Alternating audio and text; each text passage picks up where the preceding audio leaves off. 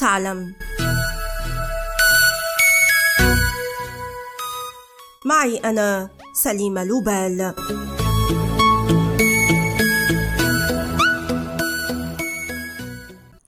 هل تحبون الشموع مثلي؟ صراحة قبل بضعة أيام ذهبت للتسوق ورأيت أشكالا وألوانا جميلة منها فتساءلت في قرارة نفسي كيف بدأت قصة أول وسيلة إنارة في التاريخ. وكيف تحولت إلى إكسسوار جميل يرافق أفضل لحظات حياتنا اليوم. هكذا بدأت قصة حلقة اليوم من بودكاست هل تعلم؟ فأهلا بكم.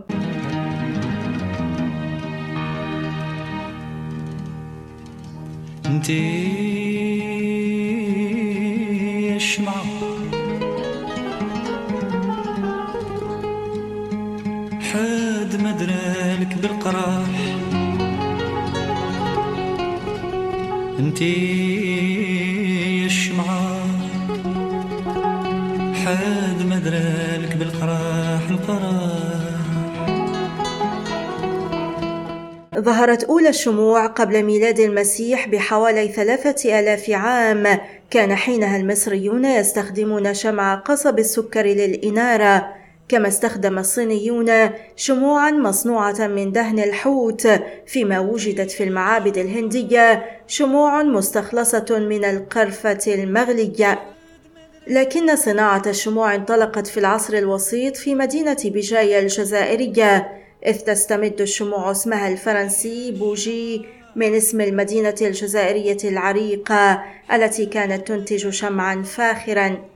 ومع الاكتشافات الكيميائية العام 1825 وبعد نظرية التصبن التي تجمع بين الجليسرين والأحماض الدهنية ظهرت الشمعة الدهنية.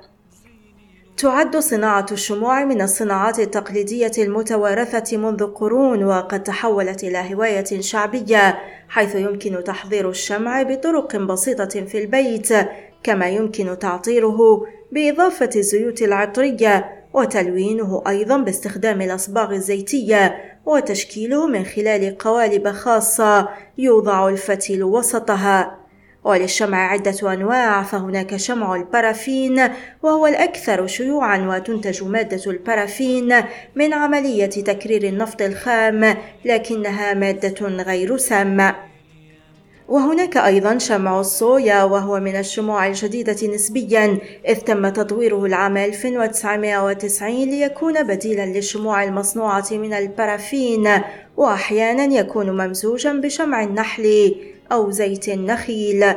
ولدينا أيضا الشمع المصنوع من الهلام وهو في الواقع لا يعد شمعا ولا يشبهه إلا في الاستخدام ذلك أنه يحترق ويذوب وهو ذو رائحة عطرية وشفاف.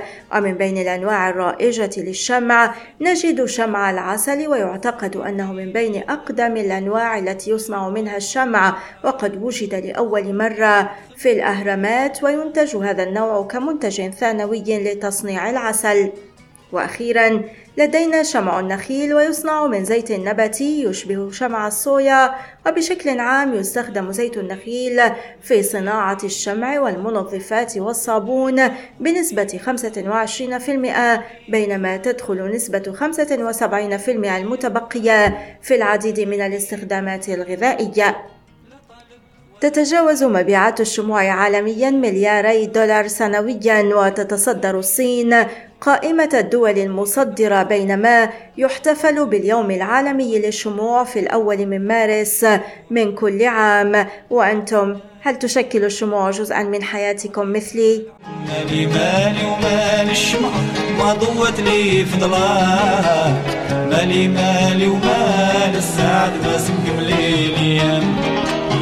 مالي مالي ومال الشمع ما ضوت لي في مالي مالي ومال السعد ما سقم لي الأيام الأيام الأيام الأيام